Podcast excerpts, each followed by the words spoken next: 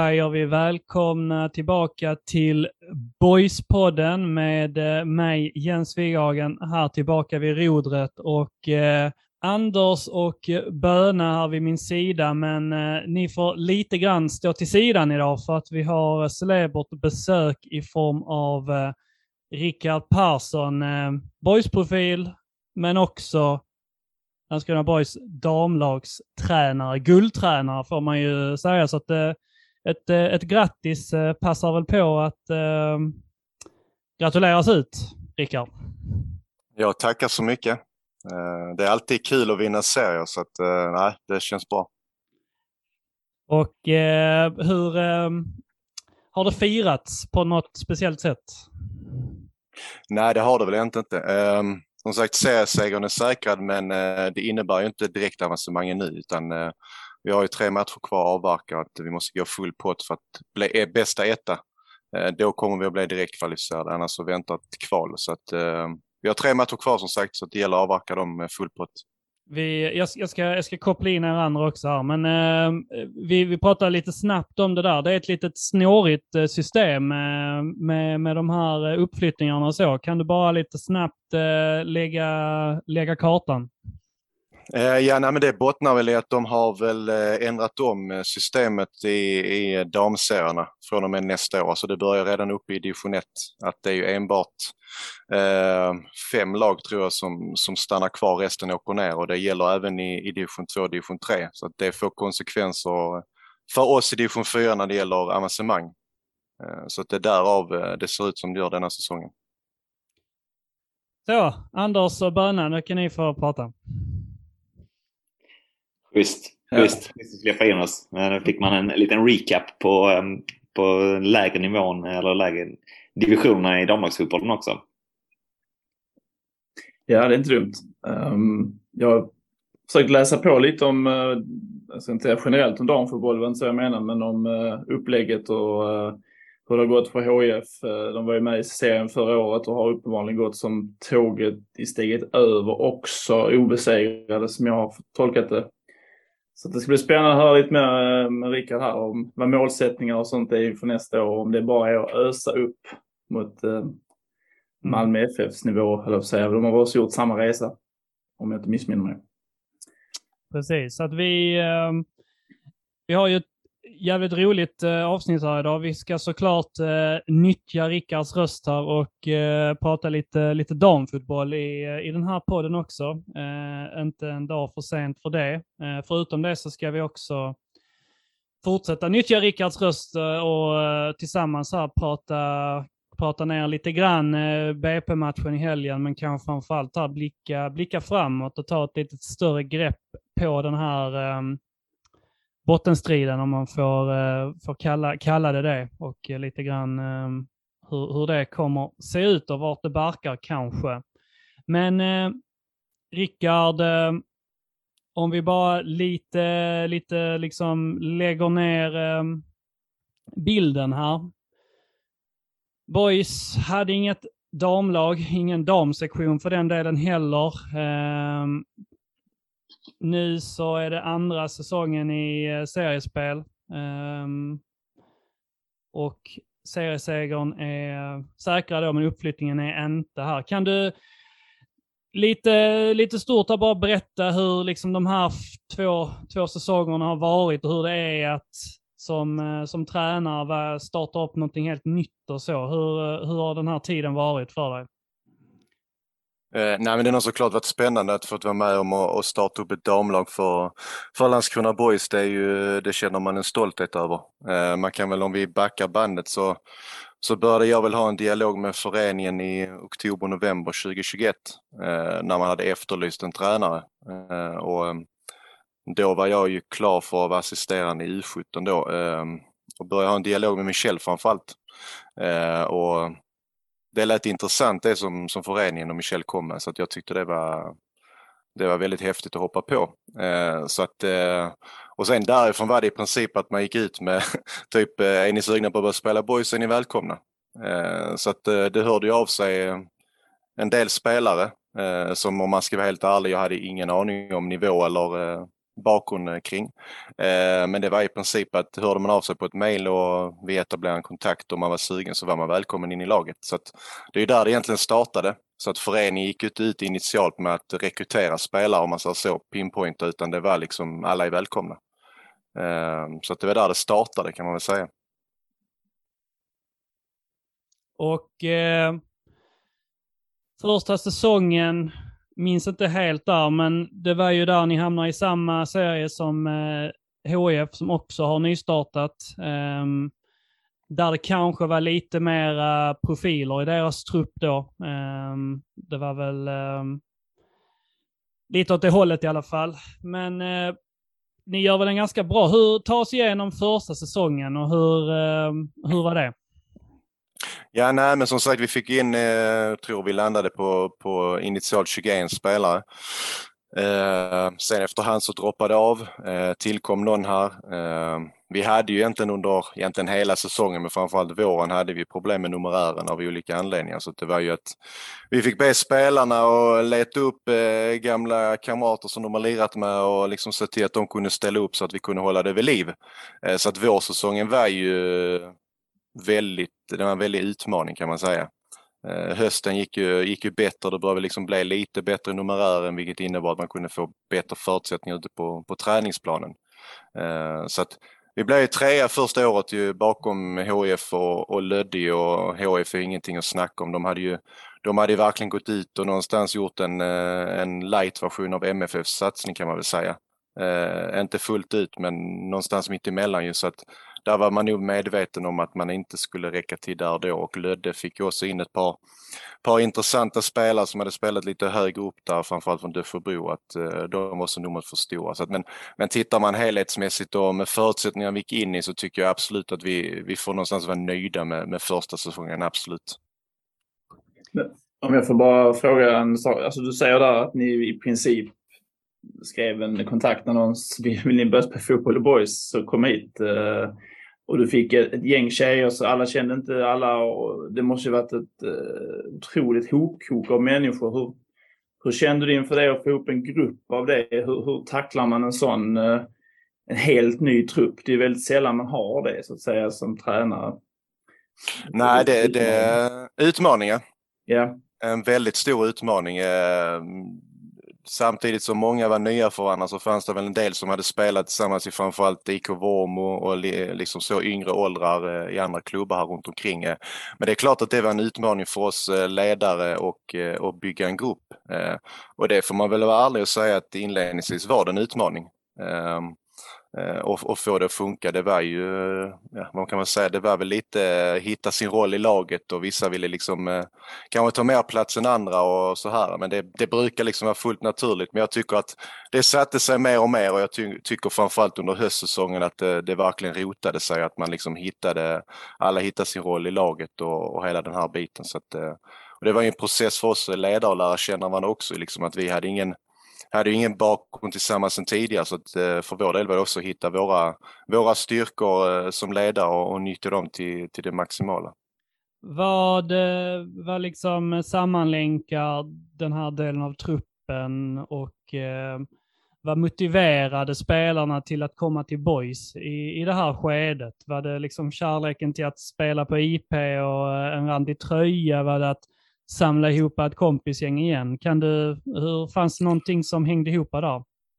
Ja, men jag, tror, jag tror två saker tror jag det var som stack ut när man började prata med, med spelarna. Eh, första är ju just att, eh, att det var Landskrona Boys. Eh, storleken i sig, jag tror möjligheterna eh, att på sikt bygga någonting som var liksom hållbart och bra tror jag var en sak som, som lockade. Eh, sen nummer två är att det, det är många som av de här spelarna som har eftersökt ett, ett, damlag i Landskrona Boys i många år. Att när möjligheten kom så var det liksom uppenbart eh, för dem att hoppa på. Det är, det är många som har en kärlek till föreningen. Eh, jag tror att ibland när vi, glömmer vi nog bort att det finns väldigt många tjejer där ute som, eh, som faktiskt eh, älskar Landskrona Boys också. Så att, det är ju häftigt att de får möjlighet att spela i den randiga tröjan. Så den här första säsongen eh, godkände ni liksom, ni, ni ror skeppet i land. Eh, första säsongen blev väl lite grann då mest bara att, eh, att överleva och göra så gott ni kan. Eh, vad händer sen då under, eh, eh, ja, men under vintern och så inför säsong ett och säsong två? Eh, vad händer spelartruppsmässigt och så vidare och så, eller händer någonting ytterligare som är intressant att ta med? Nej, men tittar man där efter, efter första säsongen så utvärderar vi såklart som man alltid gör kring vad som har fungerat och vad som måste bli bättre framförallt när det var liksom uppstart av egentligen allting. Eh, så att vi satt ju dels ledare och, och, gick igenom även med truppen men även att föreningen i sig, framförallt eh, Lotte som sitter i styrelsen, eh, som har tagit på sig ett jättestort ansvar och, och hjälpa till och, och vara ett bollplank från styrelsen kring hur vi ska gå vidare. Eh, och någonstans kände vi väl att klart Jushen första säsong, nu måste vi någonstans eh, bli lite mer aggressiva om man pratar så här kring, och, kring att hitta spelare. Eh, för någonstans måste vi liksom eh, eh, ta nästa steg kände väl egentligen allihopa. Så att vi blev lite mer aggressiva om man nu kan prata på, på spelarmarknaden eh, och, och, kontakta lite spelare som man hade uppmärksammat under, under säsongens gång och även tips man hade fått. Eh, framförallt då spelare som har anknytning till staden som bor i Landskrona eller i, i byarna runt omkring. Så att eh, vi lyckades del, dels att behålla befintlig trupp från 2021, vilket var liksom en grundförutsättning för oss. Eh, och sen så har vi fått in spelare inför denna säsongen som, som har tillfört både spets och bredd. Eh, så att det, är ju, det har varit en, eh, det var en intressant eh, säsong där med transferfönstret och, och lyckas få de spelarna på plats som vi, som vi var sugna på helt enkelt. Är det, du har ju en lång, eh, lång bakgrund inom, inom herrfotbollen eh, också. Eh, har ju tränat Härslöv och Besa och så vidare. Men eh, är det en lika stor huggsexa liksom inom damfotbollen och det här att eh, liksom, trupper kan ju förvandlas från en dag till en annan eh, inom, inom herrfotbollen i alla fall. Där, där, där vi kanske lever våra. Vi, jag kommer ihåg att Dösjebro var ju blev ju brandskattade på eh, i princip hela sin trupp av eh, MFFL. Så det är ett exempel, men är den lika, men är den lika liksom aggressiv tillvaro där med, med spelare och så? Är det lite grann att alla är till salu hela tiden? Eh, svår fråga. Eh, jag skulle nog säga att det är lite blandat. Den uppfattning jag har fått, eh, det som min, min egen uppfattning, men även när man har pratat med med, med både spelare och ledare som har varit eh, avsevärt mycket längre inom damfotbollen och bättre koll säger att det är ju mycket eh, kompisgäng. Eh, väldigt starkt förankrat att det är liksom, är det en, två som börjar liksom att förflytta sig så, så är det många gånger att man får med sig en, en stor klick. Eh, eh, så att jag tror att jag tror på, på damsidan tror jag att det är ännu större chans att du kan få liksom ett, ett helt lag att börja förflytta på sig. Eh, jag tror där de är mycket mer Eh, grupp, gruppen i sig, liksom att man mår bra och har, har kul mm. tillsammans tror jag är än viktigare där än vad den kanske är på, eh, på killsidan. Nu generaliserar man rätt grovt men det är, det är den känslan jag har fått i alla fall.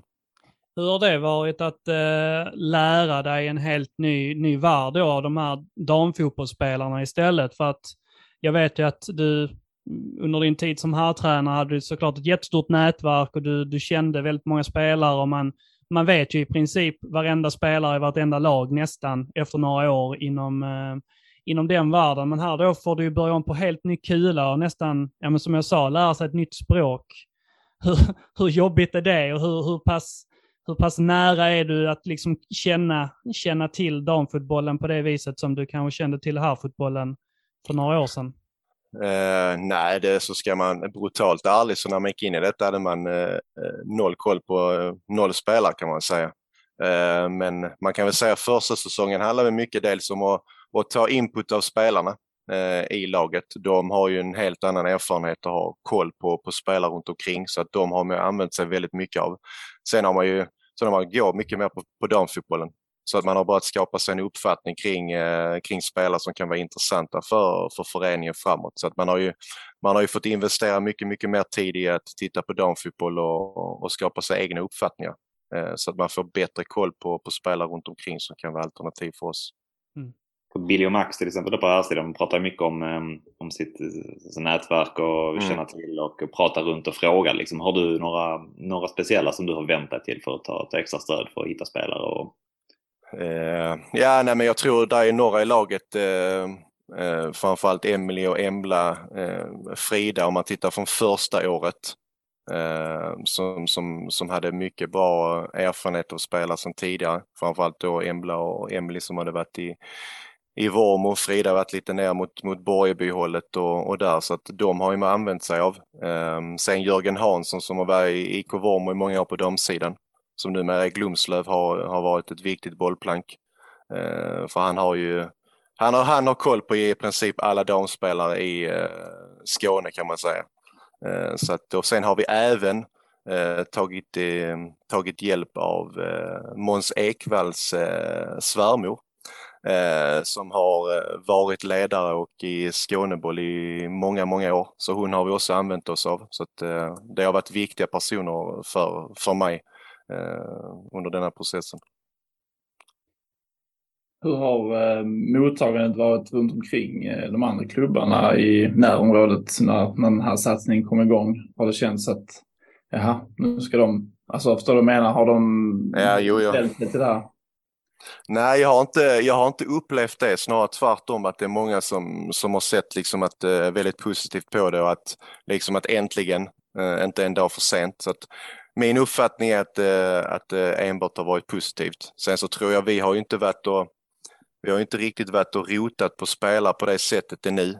Eh, och det, det får man väl vara ärlig och säga att skulle steget, steget nästa år vara att spela division 3 så måste så tror jag vi såklart eh, måste kanske bli ännu mer aktiva eh, på, på spelarmarknaden så att säga. Och, och jag vet ju vad föreningens ambition är framåt också så att där tror jag kanske att eh, det kanske längre fram kommer att börja surras men just nu så det, har det varit positiva vibbar.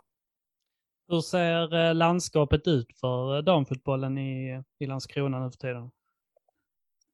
Eh, ja det är ju, det är ju vi ju som har ett damlag. Sen så är det ju Asmetorp och så är det Glumslöv. Glumslöv går ju bra i division 2 ju. De fick in en hel del spelare från Hittarp så att de, de går en stark säsong till mötes. Så har väl, om jag har uppfattat det rätt så är de ju med tror jag fortfarande kunna kampa om att ta en kvalplats uppåt så att eh, det går bra för dem. Och jag ser det enbart som positivt. Hur, eh, vad händer rent konkret i, i truppen eh, då inför säsong två? Eh, vad, kan du nämna några spelare som kommer in och är med och bidrar? Uh, ja, nej, men om vi, om vi börjar med, vi lyckas ju landa uh, Nathalie och Vilma Olsson från Asmentorp. Uh, ehm, eh, två forward som, som vi fick tips om rätt tidigt in på året som man var kollade på en del matcher med Asmentorp och som, som man fastnade för direkt. Extremt bra karaktärer och duktiga fotbollsspelare. Så att de passade in på den profilbilden som, som vi sökte efter. Ehm, sen Emma Törnqvist som spelade i Lödde förra året. En, en spelare som eh, eh, stack ut enormt mycket när vi mötte dem eh, och, och fick många tips kring det. En helgarpstjej som såklart ska spela i, i Landskrona Boys. ju. Eh, sen så har vi fått in yngre förmågor. Eh, Albulena Selani, 14 år gammal. Eh, eh, enormt spännande spelare. Eh, Adela Dautovic, målvakt, också 14 år. Ehm, Sen så har vi fått in eh, Kajsa Konradsen som har spel från, från Eskilsminne. Dock inte varit med här under hösten på grund av plugg och, och studier. Eh, eh, Lea kom från IK Vormos eh, juniorlag. Eh, så att hennes första år på, på seniornivå också. Eh, jag hoppas inte jag har glömt bort någon här. Eh, Mimmi Persson kom här nu under höstsäsongen, spelat i Fortuna tidigare eh, anlände också. Så att, eh, ja, det kom in, eh, som sagt, det kom in spets och bredd och det har varit eh, väldigt viktigt för oss. Eh, har jag glömt någon så, så ber jag om ursäkt här. Det är alltid, man bör alltid fundera och, och tänka så att man bommar någon. Det var ett par spelare du räknade upp där. Ja, ja. Men hon, eh, Emma Törnqvist, eh, nu följer jag henne på Instagram nu, eh, av ren bollgeni. Alltså är inte hon en av de största bollbegåvningar man har sett i en boyströja? Jo, hon håller ju på med freestyle också här ju och, och så här. Jo, hon, hon har skaplig teknik får man säga. Ja, det får man ge henne. utanför. Ja. Ja, okej. Ja, men då är, då är det, men det visar sig även på en riktig fotbollsplan kanske att hon är rätt bra med bollen. Absolut, det gör det. Och hur, eh, hur artar sig då den här säsongen? är inte slut ändå, men eh, vad, ni vinner varenda match. Eh, har jag rätt i, i det? Ni har vunnit. Ja, tittar man seriespelet så har vi, eh, har vi 13 av 13 och det har varit två VO-matcher i och för sig, men eh, det räknas ju alltid som vinst det också. Så att, eh, eh, nej, men det gick väl bra på försäsongen också. Vi, hade ju, vi, har, vi har två förluster denna säsongen. Det är ju mot, eh, mot Lunds BK och eh, IK Furulund i DM och det är ju två division 2-lag. Förlorar förlorade 3-1 Lund och sen i slutspelet i DM förlängning Furulund eh, 3-1. Så att, eh, än så länge får man väl vara skapligt nöjd tycker jag. Och eh, framöver här, vad, mm, du nämnde lite grann innan att eh, du, klubbens, eh, klubbens eh, planer eller klubbens ambitioner och så. Vad, vad ser du, om vi nu utgår ifrån att ni fortsätter bra här och eh, kniper den här platsen. Vad ser du liksom i, i pipen framöver här? Vad, vad tycker klubben och vad, vad, vad tror du själv och vad, vad ser du i truppen? Eh, framåt, jag vet att jag vet att styrelsen har satt ett, eh, ett mål om att 2025 ska föreningen spela division 2-fotboll. Ehm, där har man liksom varit konkreta rent sportsligt. Ehm, sen handlar det främst om att eh, det blir lätt att man bara fokuserar just nu på damen. Det är ju en, där är en flicksida som, som växer enormt mycket just nu i föreningen, vilket är enormt positivt. Jag tror att där är det också väldigt viktigt att man, ehm, man lägger tid eh, på att fortsätta utveckla den eh, och, och se till att vi får egentligen lag i alla åldrar. Det är också, vet jag, att de har ett mål på sikt att det ska finnas en akademi på flicksidan som är lika stor som på pojksidan. Sen är det, tror jag, ett, ett väldigt långsiktigt mål och det kommer krävas mycket arbete. Eh, men jag tycker absolut att det är rätt, rätt väg att gå. Eh, sen, sen i övrigt eh, kring vad föreningen vill och hur de resonerar och tänker, ja där, eh, eh, där kan jag väl tycka att det finns mer att önska utan att gå in på, eh, på djupare detaljer just nu. Pratar, ni om, pratar man om resurser då eller? Vad sa du? Är det liksom primärt resurser och så man pratar om då? Att det, Ehm, eh, ja, till viss del ja. Eh, sen tycker jag väl att vi kan vara att eh, ja, det finns saker som jag tycker vi kan bli mycket bättre på som jag tycker föreningen inte är riktigt är där än.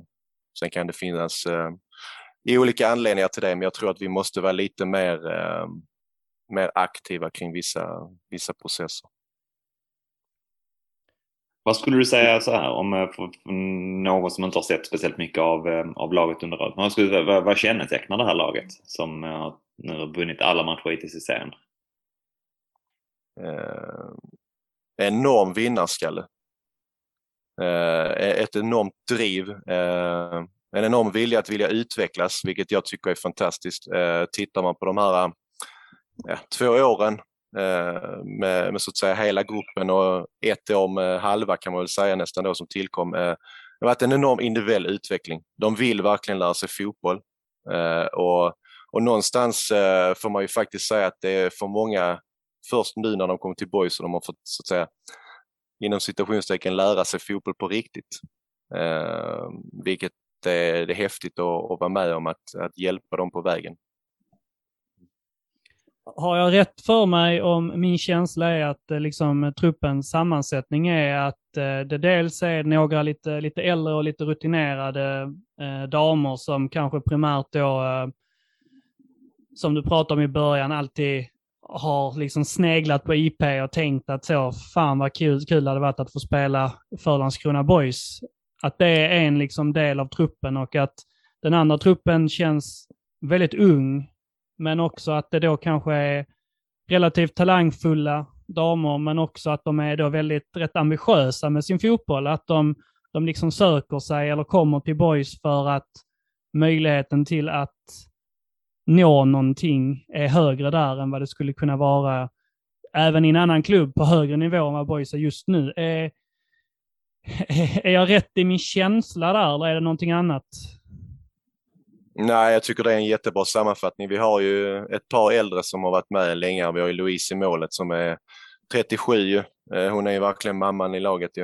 Eh, sen har vi ju eh, har vi Emily Möller som, som blev 30 här nu detta året. Sen är det ju, jag skulle säga att den stora skaran ligger mellan, mellan, mellan 17 och 25. Det är där den stora klicken ligger. Så att jag tycker det är en bra mix och jag tycker att det, det du beskriver är, eh, är väldigt korrekt skulle jag säga. Finns det förresten, om du sa här innan, 2025 ska man spela division 2. Finns det liksom någon väg som, som liknar herrarnas där? Att man ska plocka ungt och hungrigt och eh, närodlat liksom? Att det är det som ska finnas i truppen eller det är lite upp till er som, eh, som kollar runt? Ja, just nu finns det inget uttalat så. Jag tror ju utifrån hur jag ser på det så tror jag alltid liksom att det, en variation är bra.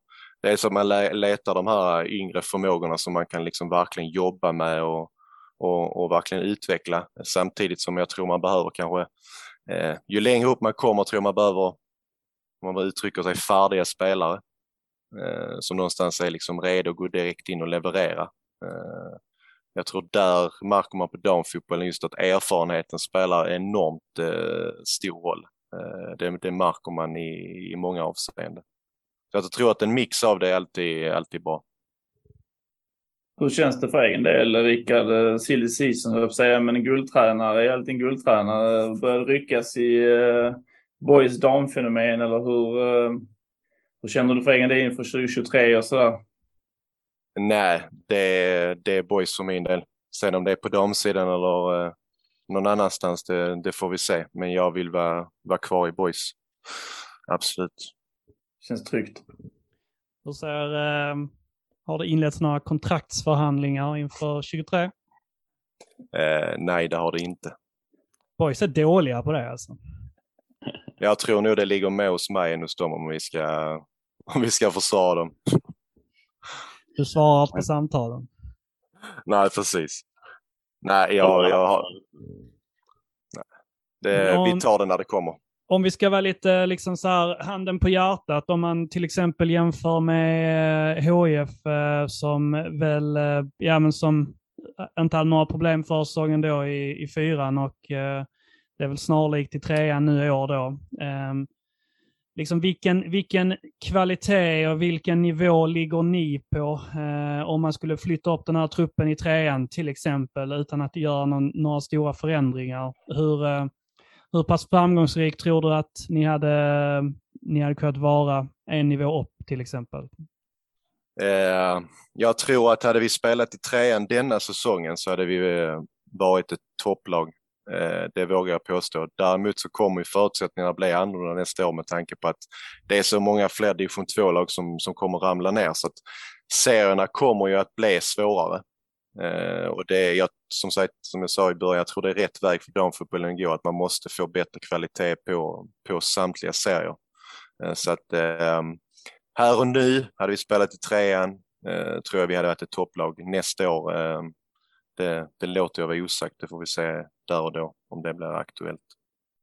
Jag eh, tänkte bara att eh, vi måste ställa den här frågan som ingen tränare tycker om att äh, ehm, prata om liksom och peka ut spelare och så. Men äh, vi är ju trots allt supportrar här till, till Landskrona Boys och då, då vill vi ha våra profiler och äh, lite åt det hållet här. Så att Ja, men vem har varit, vem är liksom, vem är er bästa spelare? Vem är, vem är nyckeln? Vem har gjort årets säsong här? Du måste ge oss eh, lyssnare och supportrar någonting liksom att, eh, att, eh, som får oss att hålla huvudet högt när det kommer till, eh, till boys eh, damfotboll.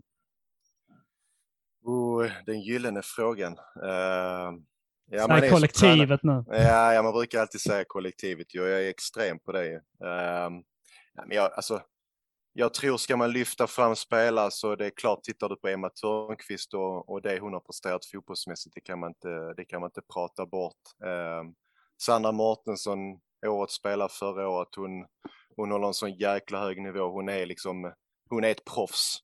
Eh, hon är ett enormt föredöme skulle jag säga för, för alla killar och tjejer där ute i allting hon gör. Eh, det hade varit, eh, jag tror det hade varit intressant för många att se hur hon, eh, hur hon är på en fotbollsplan utanför.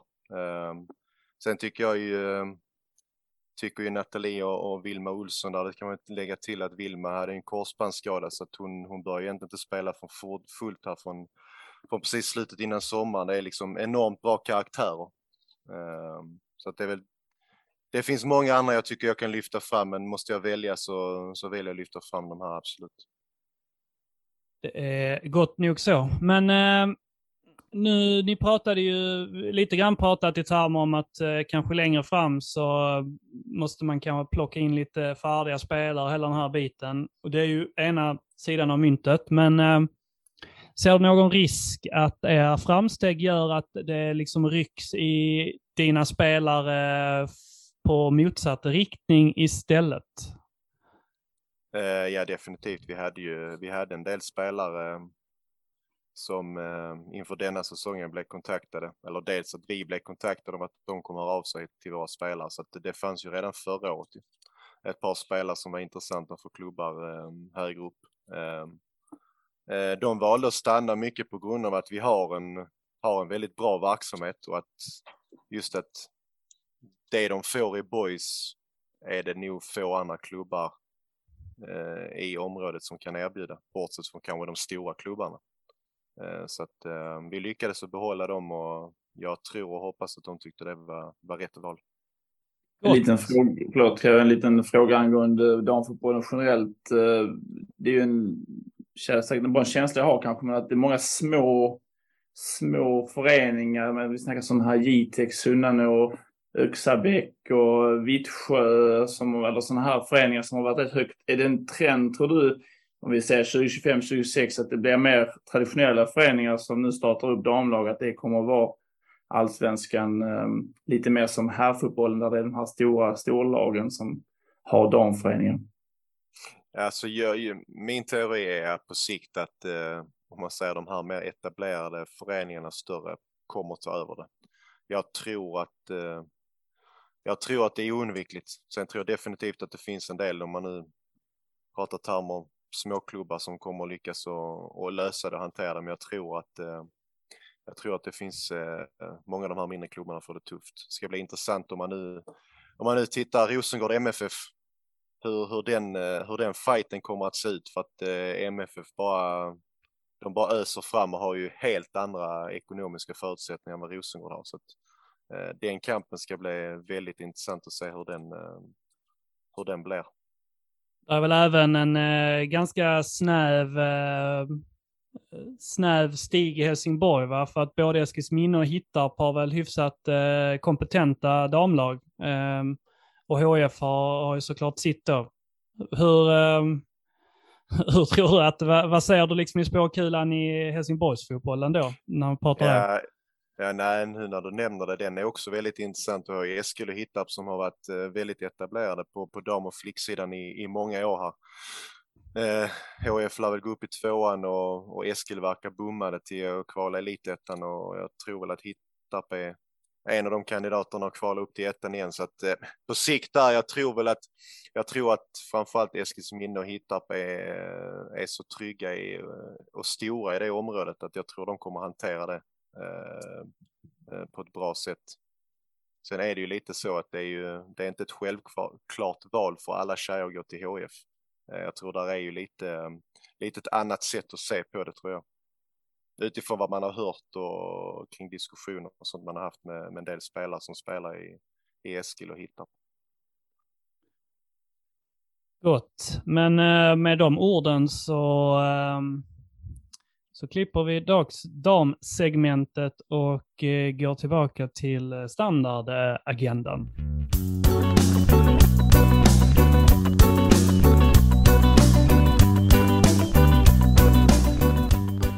Och tillbaka i eh, Boys härvärld då, om man får vara så förnäm och uttrycka sig så. Um, Sist vi spelade in så förberedde vi oss för eh, Stockholm och BP. Det gick inte vägen, men eh, det var kanske inte hela världen för det, det heller här. Men eh, vi, vi ska inte grotta ner oss för mycket i just BP där, men eh, om vi lite snabbt så, vad, vad har ni för känsla av just den matchen så här i, i efterhand? Var det bara eh, catch and release? Ja, alltså jag, jag tycker vi, eh, ja, förutom att det gick åt helvete, så ehm, jag tycker ändå vi gör en rätt bra fotboll. Alltså jag tycker ändå vi spelar rätt bra fotboll i den här matchen. Jag tycker vi är minst Förlorar man med 3-0 är man inte minst lika bra. Men jag tycker ändå vi står upp väl mot ett BP som väl får betraktas som ett av Superettans bästa lag just nu. Sen eh, det det individuella misstag och, och eh, kanske en domare som trio som lämnar mycket mer att önska så kunde det kanske sluta annorlunda. Men jag, jag var inte helt så körd efter matchen rent mentalt. Jag tycker ändå, jag tyckte det såg ändå ganska okej okay ut trots 3-0 i Häcken. Men jag kanske var lite färgblind, jag vet inte. Tränar, tränar Rickard, hur, hur, hur liksom ställer man sig till att vi spelar ganska bra men vi förlorade med 3-0? Vad, vad tycker du kring en sån analys? Ja, jag menar inte att såga Anders att analys, jag håller med, men uh, ur ett tränarperspektiv så är man inte rätt, man, man, kan inte älska att göra de analyserna. Nej, nej, alltså pratar jag som tränare nu så eh, är jag väl lite inne på, på andra spår. Jag tycker, jag tycker jag sitter i pausen rätt frustrerad av att det står 2-0 till BP, för jag tycker att från från minut 10 och, och framåt där nästan hela vägen så tycker jag vi spelar bra fotboll. Sen tycker jag inte vi kommer vi kommer till där riktigt i, i sista tredjedelen. Vi har väl Dahlqvist eh, skott i ribban, men jag tycker liksom att vi fastnar väldigt mycket när vi kommer fram dit. Det är mycket central tredjedel vi spelar, förflyttar boll och, och gör det väldigt bra. Eh, men det, det mynnar ju inte ut i någonting mer. Så att jag kände lite, jag var lite bitter i halvtid att det stod 2-0 till BP. Sen i, sen i andra halvlek så tycker jag att alltså, vi kontrollerar matchen är väl inte rätt uttryck, men jag tycker vi har koll. Sen så sker det ju eh, lite konstiga ingripanden av domarna tycker jag som, som dödar matchen totalt kan, kan man säga. Sen när trean kommer i slutet, det, ja, det gör varken från eller till. Eh, så att, tittar man prestation, ja, jag tycker ändå den är okej. Okay. Sen förlora 3-0, det, det, man kan ju inte prata bort det, det kan man ju inte. Men jag tycker ändå det finns delar i spelet som jag tycker är, är positiva den berömda vi var bra överallt utom i, i deras och egen box. Ja, det är en klassiker, men det, det brukar ligga mycket i det. Om vi pratar lite bigger picture. Um, när jag senast vi, eh, vi tre spelade in här så eh, var jag väl lite, liksom lite, lite orolig över situationen ändå. När jag, jag sa väl att den här segern mot, eh, mot Trelleborg var liksom en sminkad gris och lite sånt. Nu visade det sig så egentligen i efterhand att de två segrarna vi tog där, uh, Örebro och Trelleborg var det väl, att um, de Örgryte. sex poängen, vad sa du? Örgryte. Örgryte. De sex poängen kan ju ja, säga hade vi tagit sig fyra poäng istället så är det ju poäng som hade gjort oss eh, mer eller mindre akut indragna i, i bottenstriden. De där sex poängen eh, har ju visat sig vara väl värda nu, men eh, hur är din liksom känsla? Hur hög är pulsen när det kommer till, till bottenstrid för dig, eh, Böna? Ja, men lite som du sa, efter de två segrarna så började man nästan känna sig lite, lite safe och kolla att det var ändå ganska nära de här poängen som, som brukar krävas för att stanna kvar i Superettan. Sen kom ju helgen nu som var och en, mer eller mindre alla under Boys vann ju. Eh, Eller de som ligger kring kval. Ehm, samtidigt som Boys förlorade, då såg man ju rätt snabbt igen att fan, där är inte så många poäng ner till negativt kval ändå. Jag tror det är fyra poäng just nu. Eh, jag tog, eh, tog en liten titt på, på allas lag som är involverade faktiskt i, och spelschemat framöver. Och blev väl, ehm, blev väl lite lättad i den får jag säga. Ehm, dels för att man ser att Boys har ju alltså, skulle man bara få välja nästan så här, här har du, jag kan inte, inte riktigt alla sju, men du får sex matcher så får du välja vilka du vill spela här i slutet. Då skulle man nästan välja Boys matcher så som de är, så som de är lagda. Att ha ett AFC som förmodligen inte har någonting att spela kvar kvar på hemmaplan. Eh, utsikten också på hemmaplan som var bra i våras men inte alls speciellt bra. varit var speciellt bra nu på hösten och sen började där Norrby Dalkurd. Eh, så, så, ser det ju ändå ganska positivt ut och som sagt fem av sju matcher kvar på hemmaplan. Ehm, Samtidigt som många andra lag, alltså med tanke på att det är så många som ändå är indragna i den här så kallade bottenstriden, så möter ju alla möter varandra jäkligt många gånger till. Um, vilket, ja, klassiskt, man kommer ta poäng av varandra. Um, utan tvekan så är det inte så att alla de här lagen kommer kunna gå rent någonstans uh, under en. Um, men också spännande tänker jag, men när, när jag kollade på det, att både, det är lätt man kollar bara neråt, men jag tänker som både Örebro och Utsikten när jag kollar på dem, eh, som ligger precis omkring Borgs Utsikten, till och med precis över, så ehm, ja, de, de har inte det helt lätt, eh, tänker jag. Framförallt Utsikten kommer nog få det tufft här eh, resten av säsongen med. Jag tänker eh, för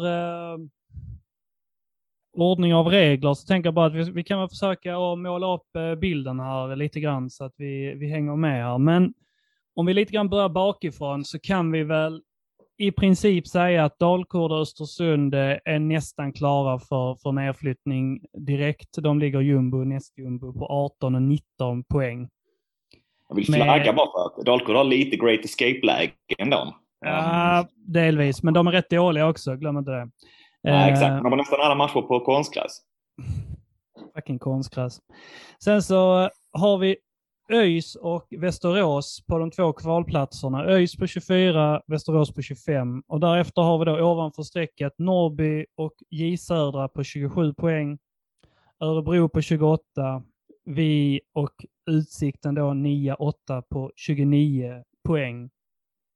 Om jag bara tänker på det alltså först och främst då, om man, om man utgår då ifrån att Dalkurd och Östersund då, om vi, om vi trots allt säger att de kommer troligtvis komma jumbo, nästjumbo åka ut, så det är fan inte lätt att hitta två lag ur ÖIS, Västerås, Norrby, J Södra, Örebro, Boys Utsikten som inte ska spela, eller ja, de ska ju kvala om det, men som måste liksom kämpa för sin överlevnad att vara, ett, eh, att vara en superettan-klubb.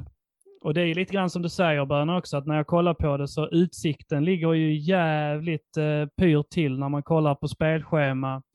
Men också när man kollar på, ehm, eh, på deras form. Ju. De har ju verkligen dalat här sen, eh, sen sin sommar och vår och sommar. Men, eh, så det gäller liksom att, att hitta de två lagen där som inte kommer att eh, leverera, eller hur man ska, ska säga. Utsikten har vunnit en av sina elva senaste matcher, tror jag. Man jämför till Södra har vunnit fyra av sina sju senaste. Det är liksom siffror som, som räddar kontrakt. Um, Sen så har vi Örebro då som egentligen inte har någonting här att göra i den här bottenstriden, men de har också ett jäkligt tufft. De ska ju möta TFF, de ska möta HBK, Eh, sen så har de ett Västerås-möte eh, nu som är väl ett ganska tajt möte mellan de två, liksom två städer också. Eh, det, fan, det, det, det, kommer nog kunna hända rätt mycket här. Men Rickard... Var... Örebro också, jag måste bara flika in det som du var inne på där med yeah. att, just det som ligger dem ehm, i fatet är väl lite det här också att de är för bra för att vara där. Nästan som året i Allsvenskan när man kollar på deras trupp också, att ingen trodde att de egentligen skulle åka ut. Mm. Att, um, de ska ju inte vara där liksom, men frågan är hur mycket de har i sig under hösten.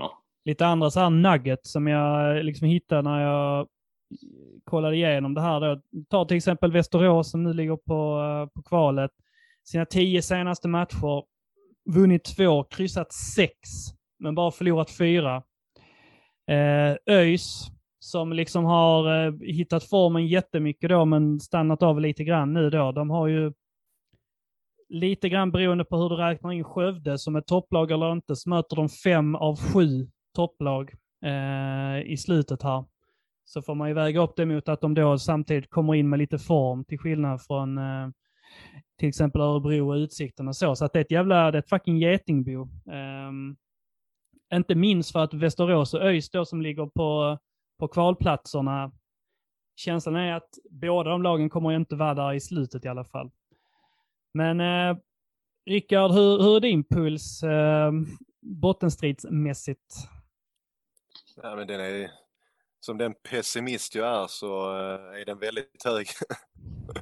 eh, så att nej, det är, ni, har, ni har sammanfattat det enormt bra tycker jag. Det är ett eh, enormt getingbo där och eh, jag är lite, lite skämt åsido där efter efter Örgryte-vinsten där så började liksom folk surra, ja man tittar uppåt där, kvalplats uppåt, det är bara x antal poäng här och sen gick det en match och sen helt plötsligt tittar man neråt igen. Så att, nej, jag, jag, jag är rätt, eh, jag är rätt nervös. Men det är jag eh, oavsett eh, utgångsläge. Hur skulle du, eh, tänker som, som tränare här också, eh, Rickard, om du skulle ändå, eh, boys som sagt fem, fem matcher kvar här någonstans, eh, eller fem, fem hemmamatcher kvar egentligen, eh, kollar man bara på matcherna, liksom ett bra utgångsläge egentligen ju ändå. Men eh, risken finns väl alltid så här att det börjar spela i nerver, att det känns den här matchen ska vi vinna, att det börjar bli jobbigt på grund av det. Liksom. Hur, hur skulle du förbereda truppen inför detta på något sätt? Eh, nej, till att börja med, det är ju ett gynnsamt läge. Man var ju inte lika nöjd med spelschemat i början av säsongen, men nu kan det ju bli en, eh, en stor fördel för oss. Nej, men alltså jag tror, jag tror lite som Billy och Max hela tiden inne på att de är, de är jävligt trygga i det de gör. Eh, uh, jag, det handlar liksom bara om att, uh, att fortsätta göra det. Jag tycker någonstans att prestationen mot BP tycker jag tror jag de kommer ta med sig stora delar av. Uh, och, och kommer gå in här nu mot Norrby tror jag egentligen utan större anspänning. Eh, det är den uppfattning jag har, jag har fått när man har snackat och tittat på träningarna. Så jag tror, jag tror de kommer att trumma på som vanligt och inte göra någonting annorlunda. Ehm, däremot blir det väl kanske mer intressant om man går in rent spelarmässigt och ser vem som ersätter eh, Filip. Ehm, det, det, är en intressant fråga om man fortsätter köra på, på Melker Jonsson som, som brukar, eh, brukar ersätta eller om, eh, om man kör ett wildcard får man väl säga nu och, och slänger in Wihlstrand där. Ehm, det, det, tycker jag ska bli, bli intressant att se hur man resonerar framförallt kring den platsen. Men Fille har en match nu som han är avstängd va? Ehm, så har jag uppfattat det som ja. ja. Medan Diawara då får, får tre för den utvisningen där uppe? Det är väl eh, stor sannolikhet att det blir så. utan, att, utan att veta hur, eh, hur, det, hur det ligger till men ja, sen mm. ja. Eh, jag hoppas att Boys har gjort någon form av eh, överklagan men sen brukar det sällan hjälpa. Men ja. Eh, Anders Böna var lite grann inne på det, eller vi har pratat om det. Fem av sju matcher eh, hemma. Vi har ju Norrby nu, vi har Dalkurd eh, därefter. Sen har vi Öster, Västerås, AFC, Örebro, Utsikten. Eh, på förhand här, hur många, hur många matcher anser du att, eh, vad, är, vad är godkänt i, i antalet segrar i dessa matcher? Ja, men man börjar med de två första hemmatcherna är ju egentligen inte godkänt med mindre än sex poäng, vilket i och för sig det går med full pott. Men eh, nej, jag tycker vi ska slå både Norrby och Dalkurd. Öster borta vet vi ju av tradition är ju inte jätteroligt alltid. Sen nämner du lag som Västerås med en sån här Viktor Granat som gör mål. Han har väl gjort så 50 mål snart. Det känns som en sån Mitrovic i Superettan. Helt sjukt. Eh, men ändå kanske eh, ja, tuff nöt. Men, men eh, jag, jag, är inte så orolig som Rickard. Jag förstår pessimismen och jag, den frodas i min kropp också ibland, ibland. Men tycker ändå att... Du har sett den, du hatar den. Ja, oh ja, jag försöker trycka ner den så fort den tittar upp med sin fula nuna. Um, när, när vi snackar om Norrby här till exempel. Jag såg hela matchen Norrby-Halmstad, vilket är um, kanske inte en av mina bästa stunder i livet. Men Norrby är ju rätt bra faktiskt. Halmstad har tappat lite, men eh, in, in, heter den, eh, han Pekalski som mittback i princip hela matchen, eller var nog i hela matchen faktiskt. Och gjorde det bra trots sin uh, kort, korthet, får man väl ändå bedöma det i mittbacksvärlden. Och sen har de ju Savolainen och någon Birkic eller vad han heter på, på topp. Och det ser rätt vasst ut faktiskt. Men om man kollar på Norrby så är det ett klassiskt plastalag Eh, rätt bra hemma, faktiskt bra statistik med ett katastrofalt eh, facit på bortaplan. Så att eh, jag tror ändå vi tar dem på vanligt gräs helt enkelt. Eh, det är kanske en trött analys, men eh, köper den är nog själv faktiskt.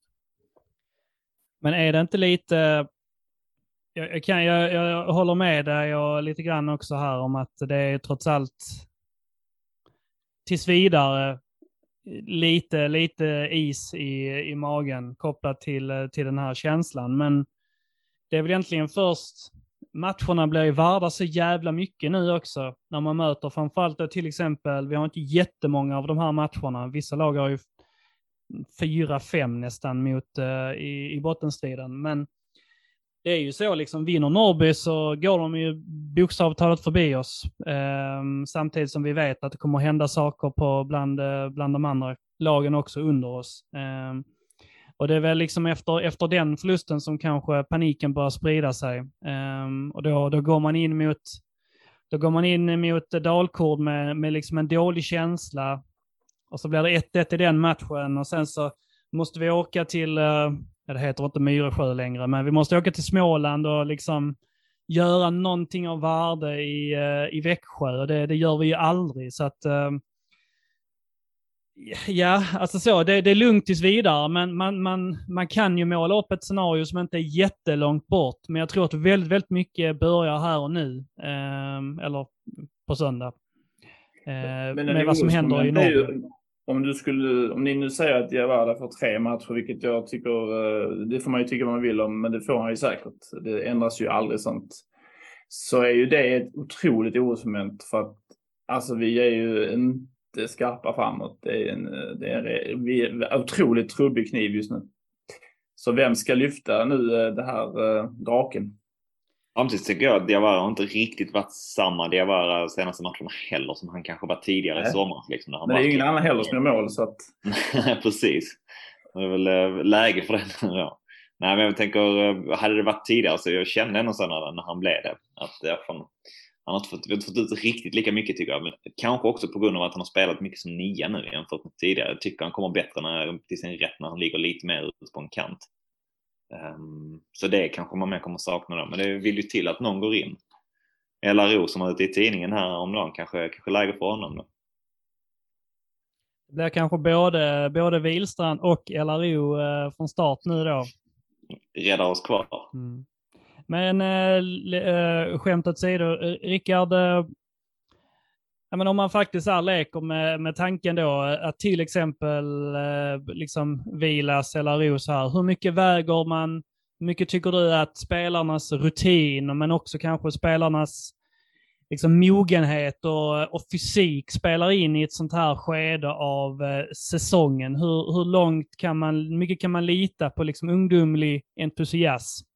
Eh, kontra liksom en spelare som har harvat i division 2 och division 1 som vet vad, vet vad som krävs för att ta hem de tre poängen så att säga. Så, hur, hur mycket kan man värdesätta det ena och det andra i det här skedet av en säsong? Det, det är intressant för man nämner liksom Vilas där som att eh, som en erfarenhet och det är klart att hans ålder spelar in men tittar man rent historiskt sett, han har gjort en säsong i Superettan så att han besitter ju inte supermycket rutin av den här nivån ju. Egentligen inte mycket mer än, äh, än, än ungdomarna äh, som då kanske kommer in med ännu mer, mer energi. Så att jag, tror, jag tror någonstans Billy och Max resonerar nog att den, den eller de spelarna som är hetast och bäst och presterar bäst tror jag de, de tittar på sen om du är är 18 år eller 31 tror jag spelar en mindre faktor just när det kommer till Billy och Max. Jag tror att hade vi haft andra tränare så tror jag lite mer att man hade tittat mer att rutinerna kanske varit en, en tyngre faktor men de, så som man har lärt känna dem så, så resonerar de inte så. Så att, eh, jag tror det kommer att spela mindre roll. Om ni liksom gör er samlade bedömning av det ni har hunnit se av eh, årets superettan av ehm, de andra lagen här. Vilka, vilka lag tycker ni egentligen är de som förtjänar det här minst? Vilka, vilka lag håller ni lägst i, i den här bottenstriden? Östersund ser jag spontant håller jag otroligt lågt. Eh, de spelar inte sämst nu. Tvärtom tror jag de spelar faktiskt rätt bra nu. Men rent föreningsmässigt så, så står det inte mig väldigt nära hjärtat. Eh, det är väl eh, min take på det just nu. Just det laget har jag svårt för. Sen tycker jag ju sånt lag som Örgryte så tycker jag väl inte riktigt hör hemma där nere. De har inte riktigt fått till det men någonstans finns det ju ändå lite boll i föreningen. Så att det är väl det de som jag tittar på. Där de ligger, det är att de är så jävla stora på det i våras någonstans. Värvade skulle gå så otroligt bra, men att det skitit sig lite. Det kan man uppskatta. Men jag är på din linje annars där också med Östersund definitivt. Sen eh, Dalkurd har jag inte heller mycket över för, så de får också gärna åka ur. Nu slår vi in öppna dörrar här. Ja, precis. Men annars tycker jag ändå en utsikten, alltså lag som har eh, 200 pers på sina matcher, det är väl också trött sägning kanske, men eh, alltså, så för mig får de eh, supergärna också eh, tacka för sig och ner igen i division 1. Men det är mer bara, inte speciellt mycket hur de har spelat, för jag har inte sett dem så himla mycket, men eh, klubbmässigt så gärna dem. Nej, ett drömscenario hade väl varit Östersund och Dalkurd ner och sen hade gärna Västerås och Utsikten fått eh, misslyckats i kvalet neråt. Västerås är, har jag inte mycket övers för heller, framförallt inte hur vi har presterat där uppe eh, två säsonger i rad. Det börjar bli en typ av buggelag Ja, det börjar bli det ja. Eh, Men det är inget annat så Rickard du känner när det kommer till Västerås? Det, är eh, det är inget så att du har Västerås-hat inom dig på något sätt? Burkstaden står han inte ut med. Det här Alltså, Steam Hotel kan dra åt helvete. det, det finns faktiskt lite mer, eh, tack och hej. lite mer eh, historik bakom det. Jag gick en, gick en tränarutbildning förra året med, med ett par ledare från, i, från, från Västerås. Och, ja, eh, tyckte väl mindre bra om dem kan man väl säga. Ja, för den kom väldigt snabbt. Västerås får gärna misslyckas i kvalet. Tänkte jag, Ja. det måste ligga något mer under Ja. den hunden. Mm. Ja.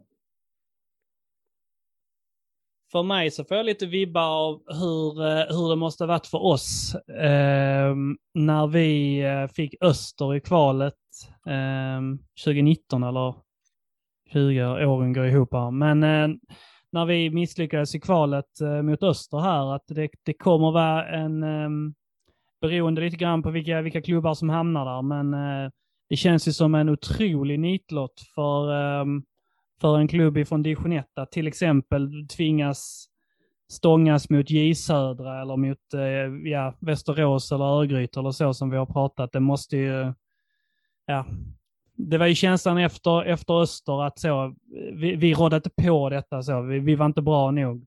Och känslan är väl lite grann att, eh, trots allt, att om ett lag skulle hamna i det scenariot här också så det ska ju till en jävla topprestation ifrån ettan för att någon ska kunna rå på någon av de här klubbarna. Medan till exempel Utsikten och um, kanske Norrby också känns som att de är på dekis på ett annat sätt uh, den här säsongen. Men uh, ja, det är min känsla. Delar ni den? Så är det. Och framförallt jag tänker jag det är väl det klassiska där, men om man, som du är inne på, om man lyckas um, lyckas få möta ett av de lagen som ändå har lite god form sista matchen också som, som Öster hade vid det tillfället när vi mötte dem i kval.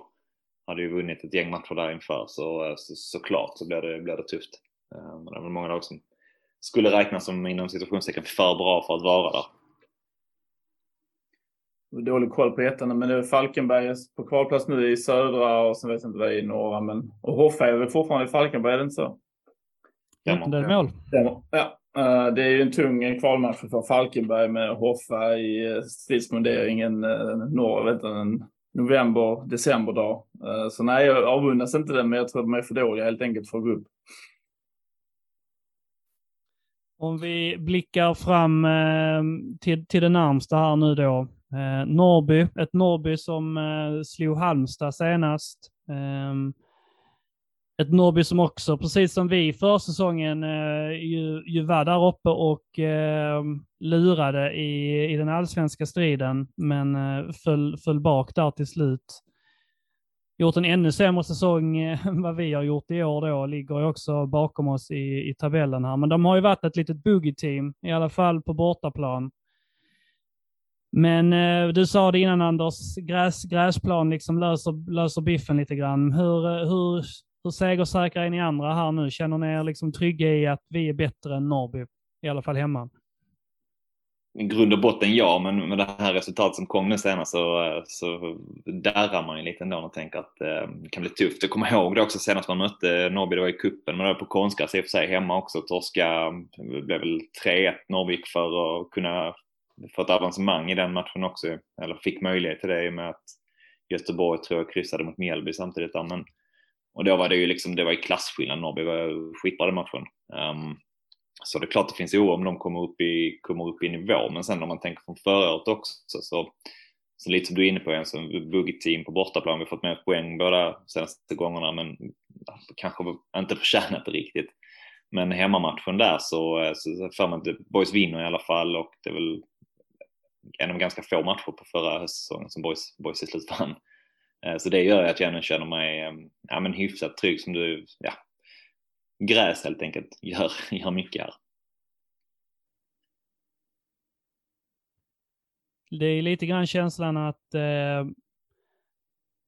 Norrby som lag är hyfsat eh, eh, taktiskt skolade. Att deras tränare där, han... Eh, är det Ali Khan han heter? Eh, Mark Lind ja, han har ju döpt om sig. Ja, just det.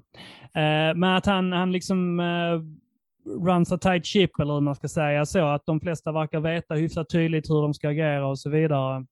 Um, och det, det passar ju boys ganska dåligt att möta lag som är liksom väl, eh, välstrukturerade och eh, duktiga taktiskt. Och de, de, spelar lite grann med sin 5-3-2 för det mesta också och brukar väl lägga sig ganska djupt och liksom bara bara döda ytorna för boys um, och så. Så det känns som att det är många faktorer som inte passar in i oss um, just mot Norby och att det är liksom en av anledningarna till, eh, till det här eh, uh, Boogie Team-grejen då. Men att som vi säger då, mycket är ju säkert kopplat till, um, till, till konst, konstgräset i, i Borås. Men att deras lag känns också lite att de är, de är väl lite, liksom, lite grisiga och liksom så att de, de gör det som behövs för att uh, för att överleva. De är alltså, lite superettan professionella på det viset så att eh, det, det kan se ut på lite olika vis.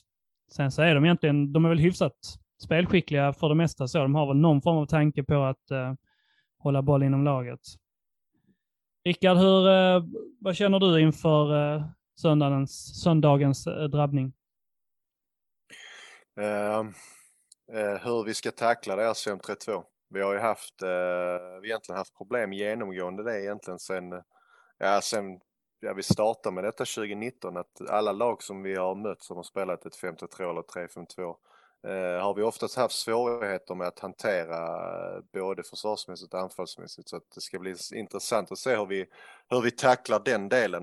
Eh, där tror jag det finns många knutar som vi måste eh, Eh, få loss. Eh, sen lite för att återgå till, till Norrby där, eh, intressant att man har sett Ive Pekalski som mittback, eh, vilket har varit nu x antal matcher. Det skulle vara intressant att se om Boys eh, har förberett eh, det, för det är, liksom, det är ändå en annorlunda roll att spela mittback kontra att vara en, eh, en central mittfältare. Har han, har han egenskaperna att kunna hantera spelet i djupled exempelvis? Eh, Eh, så jag undrar om det är ett sätt som vi kan straffa dem på. Eh, beroende på vem vi kommer sätta som, som nia nu här ju. Eh, det är också ett, ett frågetecken. Det känns inte som det finns någon självklar ersättare just nu här på de alternativen vi har. Hur hade du velat formera laget om du hade fått ta ut det? Eh, eh, men jag tror någonstans eh, jag tror att Jonsson, Rapp och eh, Heidenqvist kommer nog att eh, vara trebackslinjen. Sen tror jag att Täcket och Dahlqvist fortsätter som wingbacks. Uh, Otto Egnell centralt. Uh, och sen tror jag att det blir Camille, Erik Persson och Hajer. Det är känslan i alla fall. Utan att uh, se träningen denna veckan så uh, höftar jag. Men det känns, det känns som att det, det ligger nära till hands. Sen vet man inte. Det kan komma någon överraskning. Vem vet. Eh, Böna Anders, eh, innan vi lägger på här eh, får man eh, be om ett, eh, ett tips på slutet av matchen. Jag tror att det blir 2-1 eh, till, eh, till Boys tror eh, 4-0 till Boys. Ivo Pekalse håller inte som mittback. Eh, det kommer bli deras akilleshäl. Och gräset är lite högre här nere så att uh, fuck off Norrby. Sorry, men det är, det är väldigt positivt. Uh, jag tror faktiskt det. Jag tror vi vinner rätt så komfortabelt. Rickard? Uh, men då får jag ju slå till 3-2 till, till oss. Då säger jag 1-0. Vi får lite ordning på, på försvarsspelet. La, la, la. Men eh, vänner, kamrater, det är dags att eh, stänga ner. det här. Rickard, eh, stort tack för, eh, för din medverkan. Det var väldigt intressant att höra om eh, en värld vi inte hör så mycket om ännu, men eh, eh, färden går uppåt. Ja, det siktar vi på, så tack så mycket för att vi kom. Det är alltid kul att, att snacka fotboll. Du är ju eh, OG. Eh, den som vet den vet ju att um, Boyspodden nummer ett var ju jag, Rickard och Björn Wikström i, eh, på Landskrona IPs katakomber. Så ehm, det kan, de kan de aldrig ta ifrån dig. De kan Nej, ta ifrån dig tränarlicensen, men inte, inte det. Nej, precis. Nej, det är rätt. Böna Anders, två plus i vanlig ordning och det ska ni vara jävligt tacksamma för. Eh, ni lyssnare, fem plus. ehm, och eh, vi säger väl um, heja boys! Heja boys! Heja boys! Du kan lita dig tillbaka Du kan drömma lite grann Som om Gud var lika randig Han som sinne din sida Dröm om